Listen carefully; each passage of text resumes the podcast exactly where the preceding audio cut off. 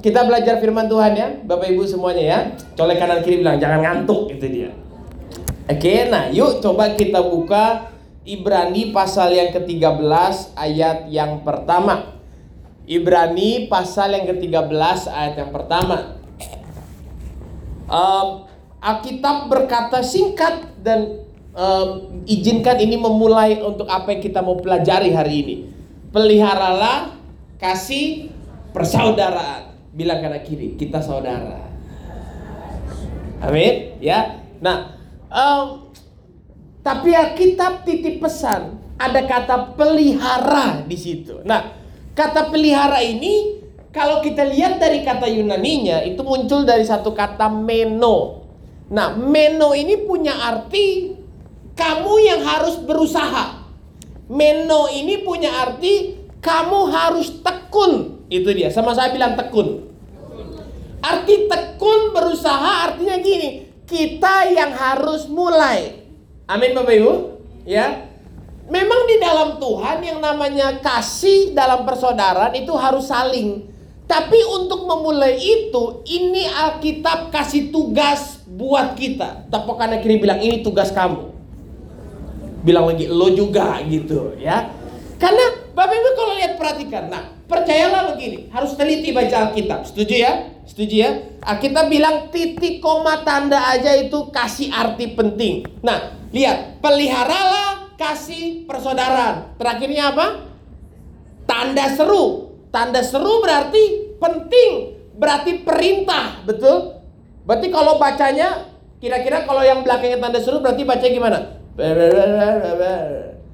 Peliharalah kasih persaudaraan. Gimana? Bacanya berarti harus tegas kan? Peliharalah kasih persaudaraan. Amin. Berarti ini perintah yang Tuhan kasih buat kita. Bentuk perintahnya adalah begini. Kamu selama hidup di dunia, hidup bersama-sama dengan saudara-saudaramu, maka kamu yang punya tanggung jawab. Kamu yang punya tugas. Kamu yang harus bertekun. Kamu yang harus mulai. Orang lain gak mulai, kamu mulai duluan. Orang lain masih nyebelin, kamu gak boleh. Kurang amin ya begini ya. Orang lain gak tahu terima kasih, kamu yang harus pelihara. Orang lain terus nyakitin kamu, kamu yang harus pelihara, kamu yang harus usaha, kamu harus tekun, kamu yang harus mulai. Itu anak Tuhan yang Tuhan bilang untuk kita. Amin. Kasih persaudaraan. Makanya artinya begini, kalau kita sudah memutuskan saya ini anak Tuhan, saya ini orang Kristen, saya ini pengikut Kristus, maka sangat dilarang buat kita hidup sendirian. Setuju Bapak Ibu? Ya. Tapi tentu aja isunya ini bukan pacaran atau kawin. Ini yang senyumnya lebar kan langsung gini, jodoh nih, jodoh nih. Gak ada urusannya dengan itu. Coba yang belum kawin angkat tangan. Ah, yang angkat angkat tangan saya berdoa. Anda kan tetap hidup, tenang aja. Iya, karena isunya bukan bukan singlenya itu. Ini kan Februari ya, masih Februari ya. Februari itu semua wajib diisi dengan talk show, diisi dengan tanya jawab. Itu kayak ritual di lama-lama gitu ya. Belum belum belum minggu lalu ada satu pelayanan talk show pertanyaan begini. Pak, salahkah kalau saya masih single? Enggak lah. Enggak ada yang salah dengan single karena isunya bukan kamu single atau double atau triple atau apa enggak. Isunya bukan masalahnya kamu single atau enggak, tapi are you fulfilled or not? Ah, bahasa Indonesia apa tuh? Saya lama tinggal di Kerawang sih soalnya. Isunya adalah kamu penuh atau enggak gitu loh. Apa yang di hatimu penuh atau enggak? Karena sangat dilarang mengisi kekosongan hatimu dengan berpacaran. Sangat dilarang mengisi kekosongan di hati kita dengan sosok manusia. Percaya lagi nih, orang yang kosong di hatinya lalu berpacaran pasti hancur. Gaya berpacarannya. Orang yang kosong di hatinya lalu menikah pasti hancur pernikahannya. Karena yang namanya kosong pasti dia punya keinginan untuk apa? Nuntut kan?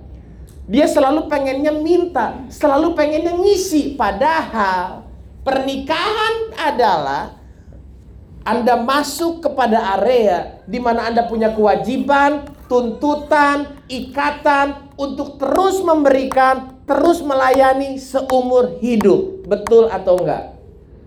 Yang udah menikah setuju enggak? Makin lama makin tadinya cuan, lama-lama bocuan nih kayaknya gitu kan. Kita akan selalu punya kewajiban untuk itu. Makanya kalau Anda nggak penuh di dalam, nah pasti setiap kali Anda hubungannya urusannya berpacaran, pernikahan, Anda pasti akan tuntut terus. Itu dia. Makanya tujuan daripada pernikahan, tujuan daripada pengen pacaran, nggak boleh cuma sekedar habis pak, saya perlu ada yang bilang selamat pagi, selamat siang, selamat sore, masuk aja ke Indomaret sama kok. Iya, apa kau cuma buat ditanya, udah makan belum? Lu masuk aja rumah makan Padang, pasti ditanyain. Udah makan belum? Mau makan nggak gitu? Bukan itu. Tapi kita penuh di dalam karena kita ingin membagi apa yang kita punya. Kasih dari Tuhan itu. Makanya jangan cari bahagia. Kalau mau nikah, tanya tuh yang udah nikah-nikah, bahagia nggak? Karena pernikahan prinsipnya bukan mencari kebahagiaan, tapi kita mau saling melayani di dalam Tuhan. Amin. Nah, sangat dilarang sendirian. Sangat dilarang sendirian. Anda harus terlibat, Anda harus aktif, Anda harus ikut serta. Udahlah, jangan cari-cari alasan. Cool. Di sini kegiatannya apa aja, Pak? Cool. Tengah minggu ada rumah doa, menara doa, doa pagi bilang karena gini jangan sok nggak denger deh apalagi sok sibuk. Sibuk pak. Perlu quality time. Kalau anda quality time di rumah sama istri ngobrol sama anak ngobrol quality time. Main handphone nonton Korea anak juga cuma dijejelin kartu aja cuma dijejelin mainan. Lalu bilang quality time. Alasan. Senyum dong bapak ibu. Ya Gak sesibuk itu kok kita. Bisa dilarang sendirian. Anda nggak akan alami kepenuhan di hati kalau terus maunya sendirian. Karena kita udah bilang gini loh. Uh, orang yang menyendiri itu sangat berbahaya. Berbahaya hari-hari ini orang menyendiri. Bukan sendirian, ingat ya. Ini kenapa kuat banget sih yang jomblo-jomblo nih kayaknya begitu ya. Menyendiri, bukan sendirian menyendiri sangat berbahaya. Coba mari kita lihat uh, Amsal 18 ayat yang pertama. Amsal 18 ayat yang pertama. PowerPoint-nya ada kan ya Fit ya? PowerPoint-nya ada kan ya? Kita lanjutin yang yang tadi tetap ya. Nah, Amsal 18 berkata begini, orang yang menyendiri nyarinya apa? Mencari keinginannya sendiri. Jadi maaf nih, orang menyendiri bukan karena nggak ada yang mau temenan sama dia. Tapi setiap kali ketemu orang yang dia cari keinginannya sendiri. Yang dia cari adalah orang yang bisa mengiyakan keinginannya. Yang dia cari adalah orang yang bisa berkata iya sama maunya dia. Nah, kita bilang orang tipik tipikal seperti ini, ode orang model kayak begini.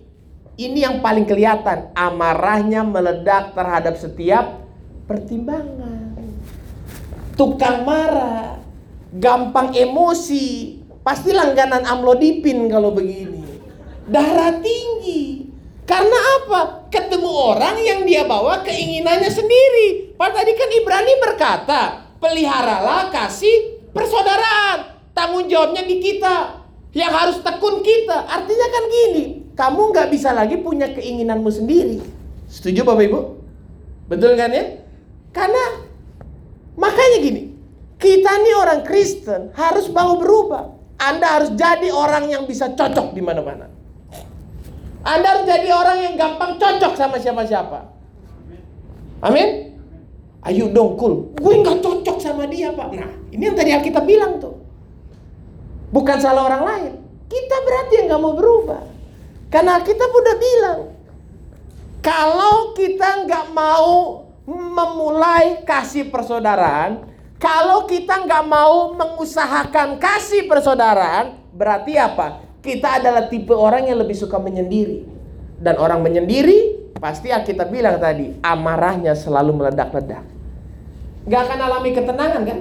Apalagi kepenuhan. Gak akan. Gak akan. Makanya kalau kita bicara jomblo, kenapa ke jomblo lagi gitu ya? Kadang begini, um, Anda bisa tidak kesepian meskipun Anda sendirian, gitu loh. Bisa bisa tangkap ini nggak Pak Bu? Kesepian dan sendirian itu adalah dua hal yang berbeda. Sendirian kan hanya posisi fisik badan kita, betul kan ya? Kalau lagi di toilet sendirian, kalau lagi pulang ke rumah mungkin kita sendirian, tapi kesepian adalah situasi hati. Makanya pacaran bukan jawaban atas kesepian kamu. Kalau kamu kesepian jangan berpikir saya perlu pacar. Enggak, kamu perlu buka diri kamu. Kamu perlu enggak egois lagi. Kamu perlu mengusahakan bisa cocok, buka diri sama siapa pun yang artinya begini. Terlibat dalam komunitas terlibat dalam komunal, terlibat dalam persekutuan-persekutuan yang ada di dalam gereja. Colek kanan kiri bilang, dua kali lu Tuhan bilang jangan sok sibuk gitu ya. Ayo dong. Jangan terus menerus kasih alasan.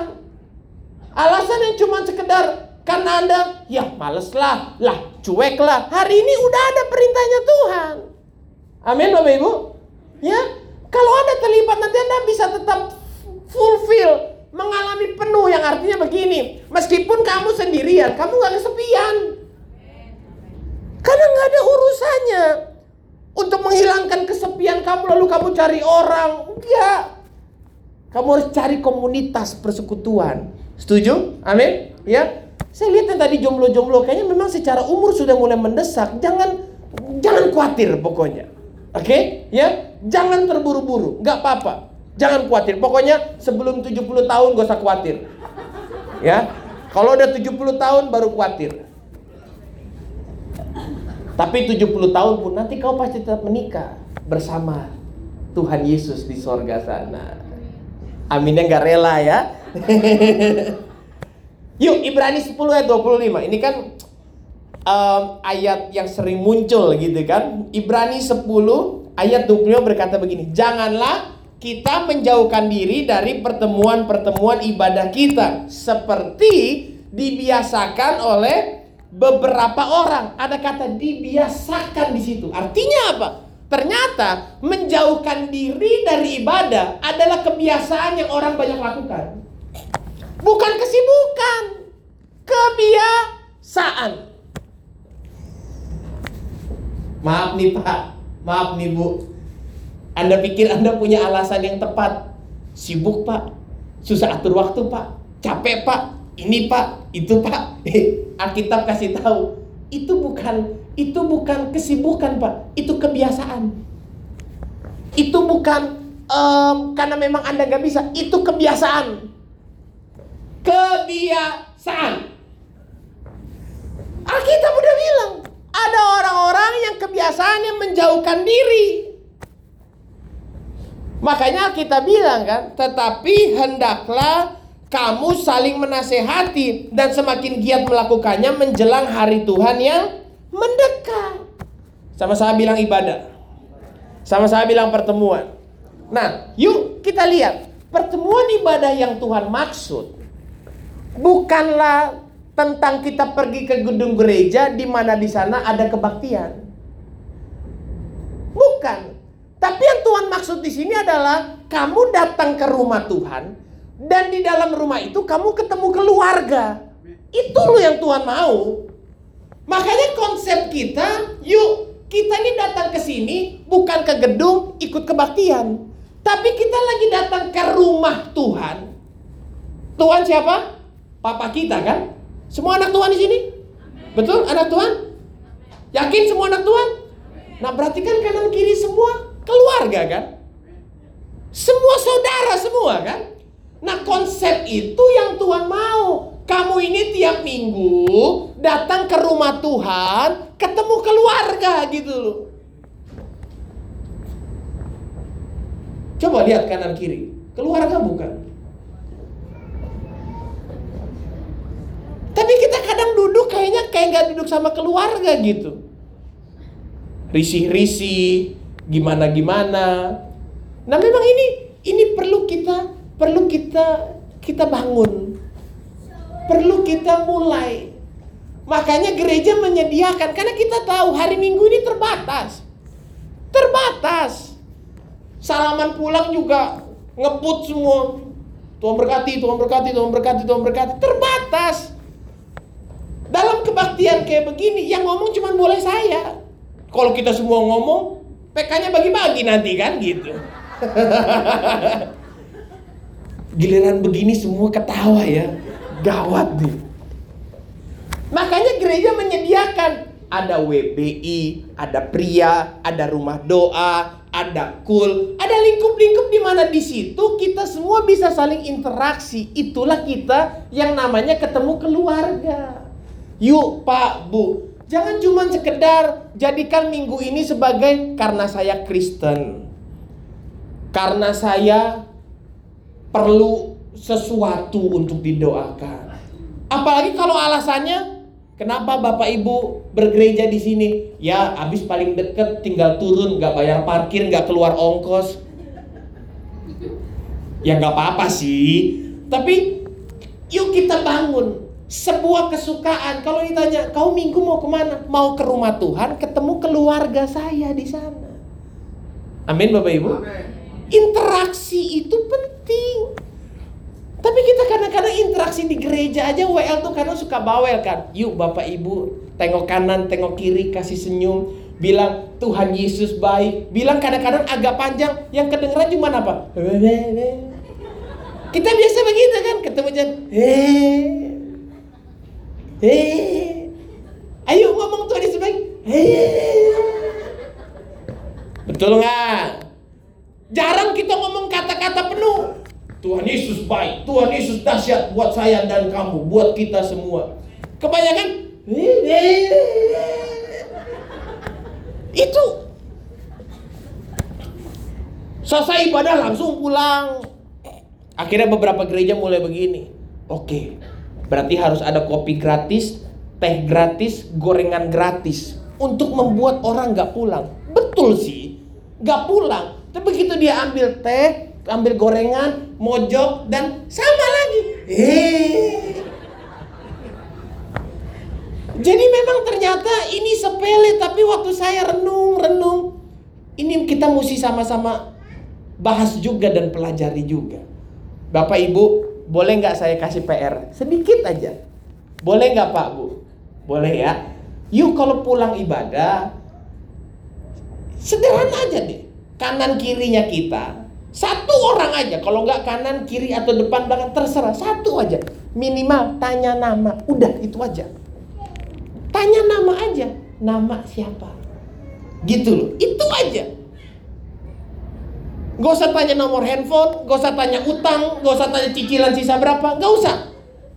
Nama aja. Supaya apa? supaya nanti kalau minggu depan ketemu atau di mana ketemu gagu kita hilang mujizat terjadi gitu loh ya tadi kita kita mulai bisa panggil nama gitu loh maka bayangkan satu minggu satu aja anda tanya nama terus jadi tahu maka satu tahun anda minimal punya 52 orang kenalan baru betul nggak maka anda punya keluarga. Anda nggak akan kesepian. Apalagi Anda ikut kul, Anda ikut rumah doa, ada doa fajar, ada menara doa. Anda ikut, pasti lebih banyak. Itulah pertemuan ibadah yang Tuhan maksud. Kita datang ke rumah, ketemu keluarga. Jadi jangan buru-buru pengen kabur, buru-buru minimal tanya nama. Amin. Ya, nah Alkitab tuh bilang begini, aktivitasnya apa sih? Aktivitas ibadahnya, Ibrani tadi berkata, maka itu hendaklah kamu saling menasehat, menasehati dan semakin giat melaku, melakukannya. Sama saya bilang nasihat. Pak Bu, firman Tuhan tuh selalu punya proses begini. Dari firman Tuhan yang datang, maka datanglah nasihat.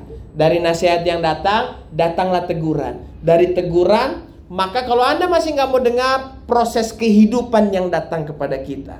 Nah, nasihat adalah jalan kedua, pintu kedua, hal kedua yang datang setelah firman Tuhan. Makanya kebaktian kita harus lebih daripada sekedar liturgis kebaktiannya ini gitu loh. Harus lebih daripada sekedar liturgi kebaktian yang kita jalaninya ini. Tapi semakin giat menasehati. Nasehat adalah firman Tuhan yang kita dengar, kita teruskan agar orang lain dapat mendengarnya juga. Makanya kalau Anda mau menasehati orang, Anda harus banyak baca Alkitab. Anda harus banyak baca firman Tuhan. Karena nggak ada nasihat yang terbaik selain daripada firman Tuhan. Kalau sampai ada orang bilang begini, gue bingung dan mau ngomong apa lagi sama lu, berarti dia kekurangan firman Tuhan. Kalau orang penuh firman, maka begini, dia nggak akan pernah kehabisan kata-kata untuk menasihati. Amin Bapak Ibu. Kalau nggak percaya saya bisa terus sampai jam 9 malam nih. Saya kuat. Bapak Ibu yang nggak kuat nanti gitu kan ya. Nasihat adalah firman yang kita dengar, kita teruskan kepada orang lain. Berarti kita harus dengar dulu kan? Setuju Bapak Ibu? Amin. Bapak Ibu, kita keluar dikit, sedikit lah keluar. Sama-sama bilang ketaatan. Menurut Bapak Ibu, kira-kira taat itu artinya apa? Melakukan sesuai Taat itu muncul dari dua kata. Taat itu muncul dari satu kata dengar dan dua kata lakukan. Dengar dan lakukan. Sama-sama bilang dengar. Sama-sama bilang lakukan. Jadi orang gak mungkin taat kalau dia nggak dengar dan nggak lakukan. Dengar dan gak lakukan berarti masuk kiri keluar kanan. Lakukan tapi nggak dengar berarti mabok. Halusinasi kan? Dia nggak dengar apa-apa tapi melakukan. Gak mungkin bisa.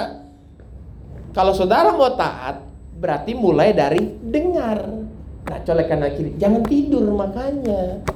Apa yang bisa kita lakukan kalau kita nggak dengar? Amin. Amin Bapak Ibu. Ya, kalau Anda kuat dengar, kalau Anda sering dengar, kalau Anda suka mendengar, maka Anda bukan cuma bisa taat, anda bisa menasihati orang lain. Dan itu yang kita bilang, itulah pertemuan ibadah kita saling menasehati. Setuju Bapak Ibu? Makanya orang ke gereja tapi nggak mau dengar khotbah yang menasehati, bukan ibadah berarti. Gua yakin nih Pak Budi pasti ngomong dulu nih titip pesan nih, ini nyindir-nyindir gue. Nah berarti kalau kita begitu kita nggak mau dinasehati berarti bukan pertemuan ibadah. Karena ibadah adalah hendaklah kamu saling menasehati dan semakin giat melakukannya. Saling menasehati kan? Setuju Bapak Ibu? Nah, gini gini. Yuk pertajam lagi. Berarti setiap kali kita ketemu orang lain dan kita bicara firman Tuhan, maka itu Alkitab bilang pertemuan ibadah. Setuju ya? Setiap kali kita ketemu orang lain dan kita bicara firman Tuhan, itu adalah pertemuan ibadah. Oke. Buat Anda-anda yang tadi, padahal kita udah bilang itu kebiasaan. Tapi Anda bilang, saya sibuk Pak. Betul, saya kepengen. Tapi nggak bisa Pak. Oke. Maka Tuhan masih kasih jalan. Kepada siapa Anda bertemu? Apa yang Anda bicarakan? Kalau Anda bicara firman, maka Tuhan bilang begini, meskipun kamu nggak sempat pergi ke gereja, berarti kamu juga tetap lagi beribadah. Makanya begini, suami ketemu istri, ngomongin apa? Istri ketemu suami, ngomongin apa? Suami ketemu anak, ngomongin apa? Kalau kita selalu latih ngomonginnya firman, firman, firman, firman, maka kita bilang itulah pertemuan ibadahmu. Kalau memang Anda bilang gini, Pak, saya betul sibuk nggak bisa Pak. Tapi Anda pastikan Anda ketemu orang ngomong firman, pulang ketemu istri ngomong firman, pulang ketemu anak ngomong firman, maka Anda juga akan tetap penuh di dalam hati saudara. Ini gereja males, banyak alasan, pulang tidur, sama istri marah-marah, sama anak-anak ngomel-ngomel, Terus mau jadi Kristen yang bagaimana?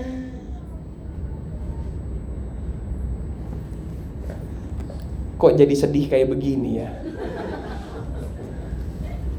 Ayo dong sama teman apa yang kita omongin? Weh, lu tahu nggak? Nih nih nih. Yang penting jangan kasih siapa-siapa ya. Cuman lu nih, padahal sama semua ngomong begitu.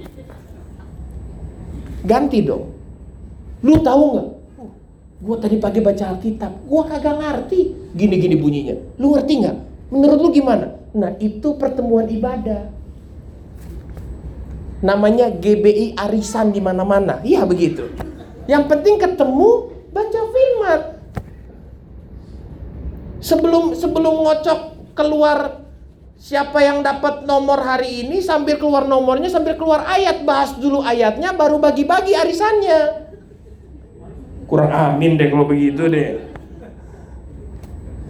Setiap kali ketemu orang, yuk keluarnya firman Tuhan. Amin. Coba-coba kita lihat Roma 14.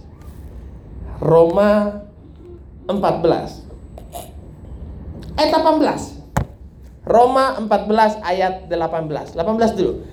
Karena barang siapa melayani Kristus dengan cara ini, Alkitab katakan apa? Ia berkenan kepada Allah dan dihormati oleh manusia. Bukankah ini mimpi setiap kita, betul kan?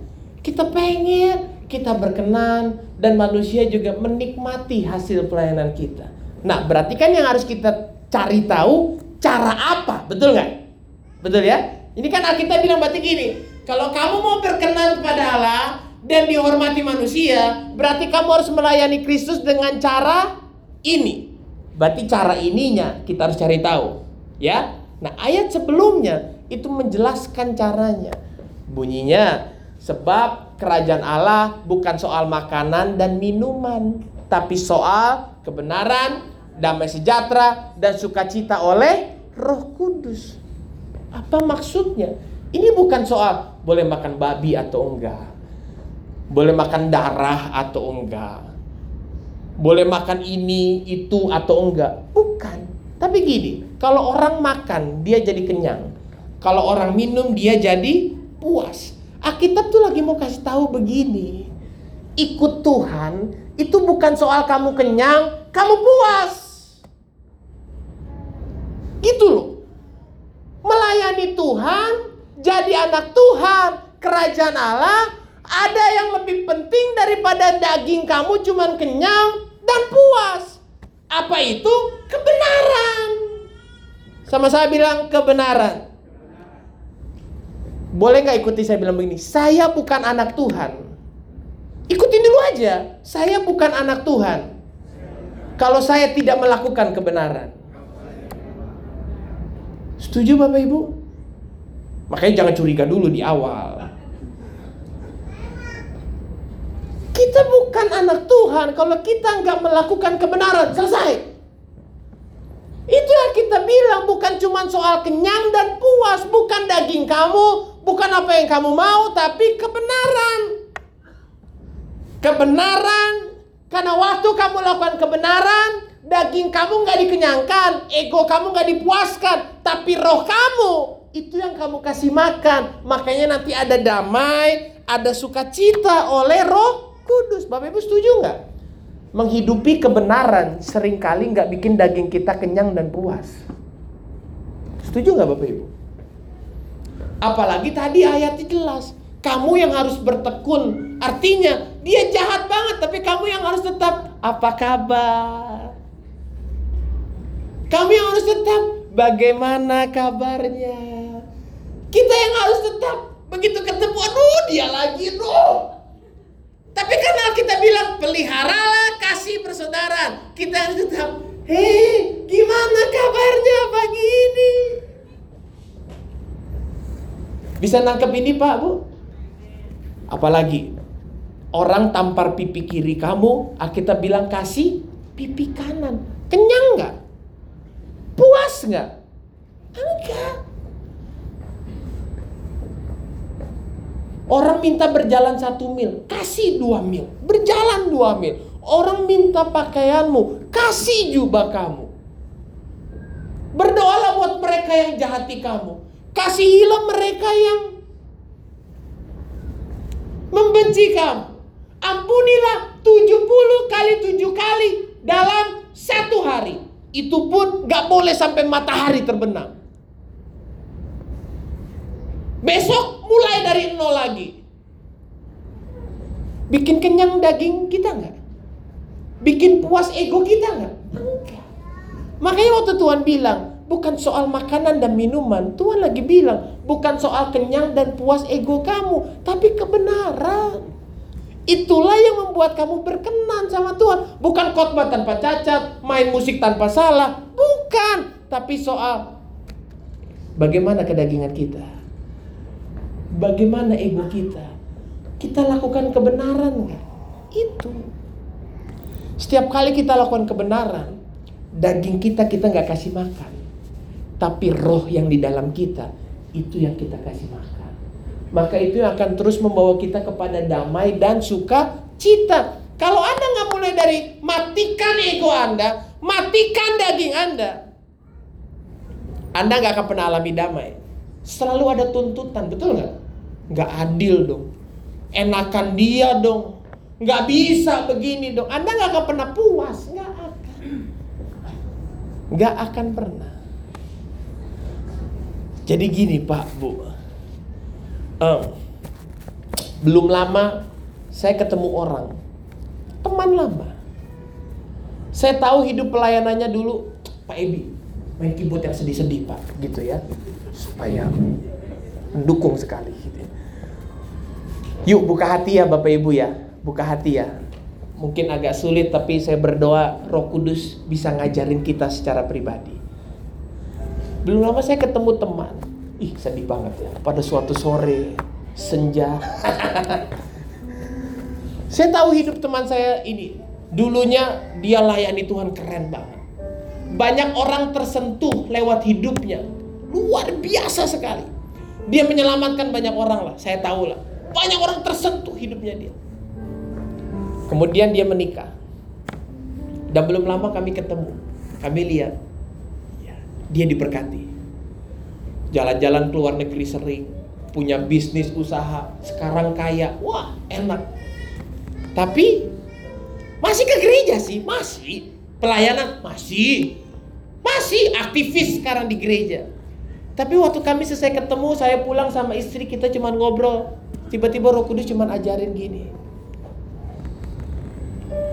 Dulu dia memang nggak se diberkati ini tapi hidupnya menyentuh orang banyak. Sekarang dia diberkati sih. Kaya enak menyenangkan. Semua berkat dan mujizat dia alami.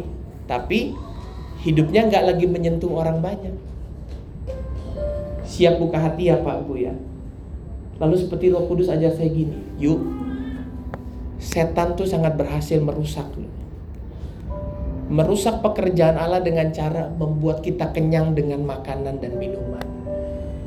Seperti kita pikir kita ini lagi nikmatin banget berkat dan mujizat Tuhan. Kita kaya, kita berhasil, kita sukses, kita maju, kita puas. Tapi ternyata itu bikin kita nggak saling menasehati satu dengan yang lain lagi. Bisa tangkap ini nggak Pak? Dulu waktu dia belum sekaya ini, aduh, hidupnya menyentuh banyak orang. Sekarang dia masih pelayanan di gereja, tapi selesai gereja doang, nggak ada kasih persaudaraan yang dia bangun. Seakan-akan kayak setan bilang begini, tangkap ini ya Pak Bu ya. Seakan-akan kayak setan bilang begini, gua kalah satu nggak apa-apa deh, hilang satu nggak masalah, bikin dia masuk surga. Siapa yang gak pengen itu? Di bumi kaya raya, hidup bahagia, sejahtera, mati masuk surga. Wah itu kan impian kita kan. Tapi sendirian. Coba kita lihat ayat 20. Roma 14 ayat 20. Inilah yang makanya kita bilang. Janganlah engkau merusakkan pekerjaan Allah oleh karena makanan Jangan hanya demi kamu puas, kenyang, sukses, berhasil, diberkati. Akhirnya pekerjaan Tuhan rusak. Tuhan bilang, boleh. Semuanya suci. Kaya, boleh diberkati, boleh sukses, boleh. Tapi celaka celakalah orang yang kalau karena dia merasa puas, kenyang, yang oleh karena makanannya orang lain akhirnya tersandung. Yang artinya, kamu nggak punya lagi rasa ingin saling menasehati, ingin saling ngobrol, memelihara kasih, memulai kasih, bertekun dalam memulai hubungan. Bisa tangkap ini Pak Bu? Bisa tangkap ini? Bisa tangkap ini? Coba lihat powerpointnya. Setan sangat berhasil bikin kita masuk surga sendirian dalam keadaan kenyang dan puas.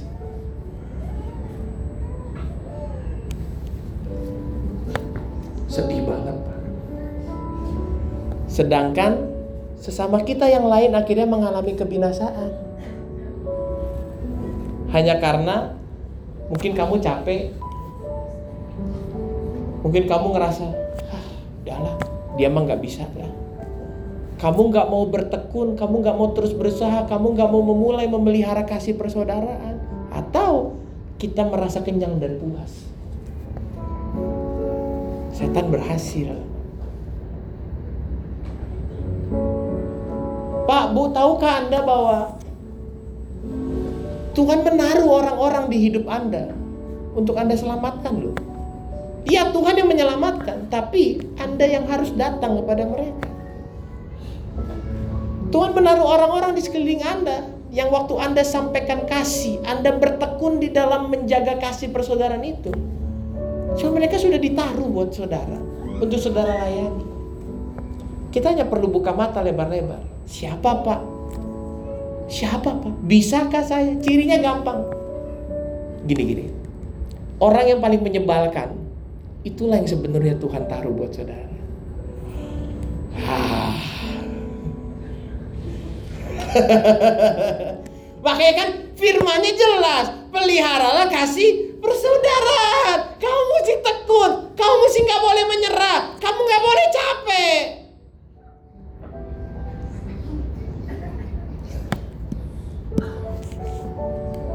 Amin. Kita mau lihat semua Alkitab cerita mendukung. 70 kali 7 kali. Itu dalam satu hari. Besok ulang lagi dari awal. Dan itu pun nggak boleh sampai matahari terbenam. Nggak boleh capek. 1 Petrus 3 ayat 13 ayat terakhir buat kita. 1 Petrus 3 ayat 13 bisa bisa bisa belajar sesuatu Pak Bu bisa belajar sesuatu ya jangan capek lah Dan siapakah yang akan berbuat jahat terhadap kamu kalau kamu rajin berbuat baik? Sederhananya gini, kalau kamu itu rajin berbuat baik, harusnya nggak ada yang jahatin kamu, gitu maksudnya. Ngerti apa bu ya? Kalau kamu rajin berbuat baik, harusnya nggak ada yang jahatin kamu. Ayat berikutnya, tapi Alkitab makanya baca Alkitab jangan setengah-setengah. Maksud dari Tuhan bilang begitu adalah gini, tapi Sekalipun kamu harus menderita juga karena bikin kenyang, bikin puas.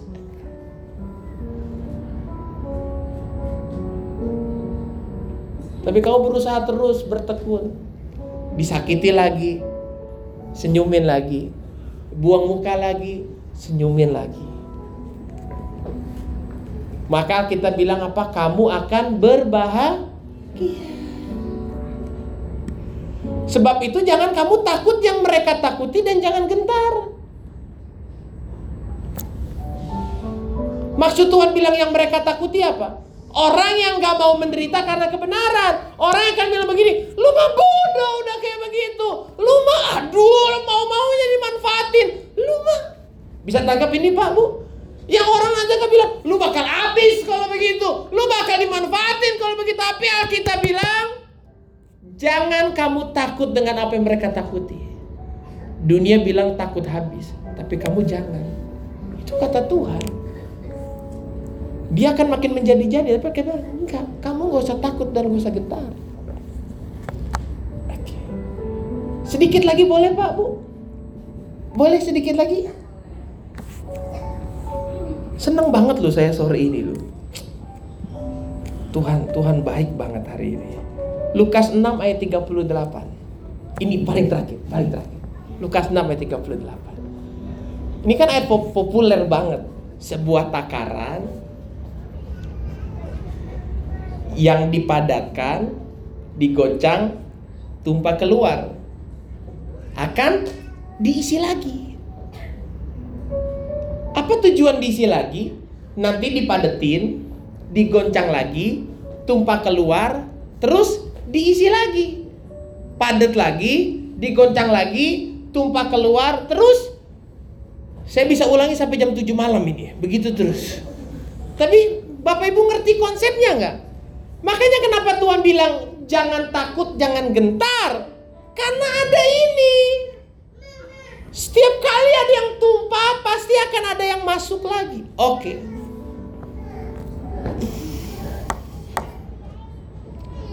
Gak apa-apa lah, gak diundang lagi gak apa-apa. Inilah kesesatan dan kecelakaan pendeta-pendeta yang pakai ayat ini ngomongin duit.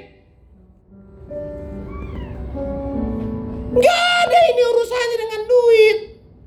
Perikopnya aja bunyinya jelas. Kalau saudara lihat perikopnya, judulnya hal menghakimi.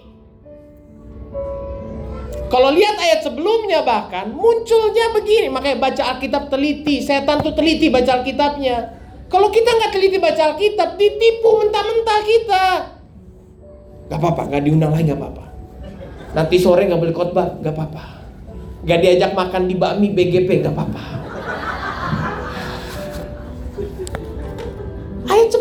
Bilang, janganlah kamu menghakimi, maka kamu pun tidak akan dihakimi dan janganlah kamu menghukum, maka kamu pun tidak akan dihukum. Ampunilah dan kamu akan diampuni. Dia kan lagi bicara hati kan? Makanya yang berikutnya muncul langsung tak sebuah takaran yang baik. Bicara apa? Apa yang ada di hatimu? Apa yang orang lain coba ambil dari hatimu? memanfaatkan kebaikanmu, memanfaatkan kasihmu, memanfaatkan maafnya kamu, memanfaatkan perhatiannya kamu. Orang boleh ambil sebanyak-banyaknya. Tapi Tuhan lagi bilang begini, setiap kali ada yang keluar, kamu nggak perlu takut yang mereka takuti. Kamu nggak perlu jadi gentar karena ada aku yang akan mengisinya lagi. Setiap kali orang mau coba, oke, okay, oke, okay, oke, okay, oke. Okay. Kalaupun ayat ini bicara tentang uang, maka Anda pun gak akan pernah mengalami ini kalau Anda gak mulai dari ampunilah maka kamu akan diampuni. Kasihilah, jangan menghakimi. Makanya Anda mau kerja banting tulang, kaki jadi kepala, kepala jadi kaki, apa pun terserah. Tapi kalau Anda nggak punya hati yang mau mengasihi, mau memaafkan, jangan pahit, mau ngampunin. Kalau Anda nggak mulai dari punya hati yang Tadi mau bersedia memelihara kasih persaudaraan di mana? Oke, saya nggak puas, saya nggak kenyang, tapi yang penting kebenaran. Anda nggak akan pernah alami berkat Tuhan. Gak akan, gak akan. Tapi kalau Anda mulai dari hati yang mau melepaskan pengampunan, maaf dan penuh kasih. Ayat ini lagi bicara begini. Orang boleh mau coba hancurkan hidup kamu,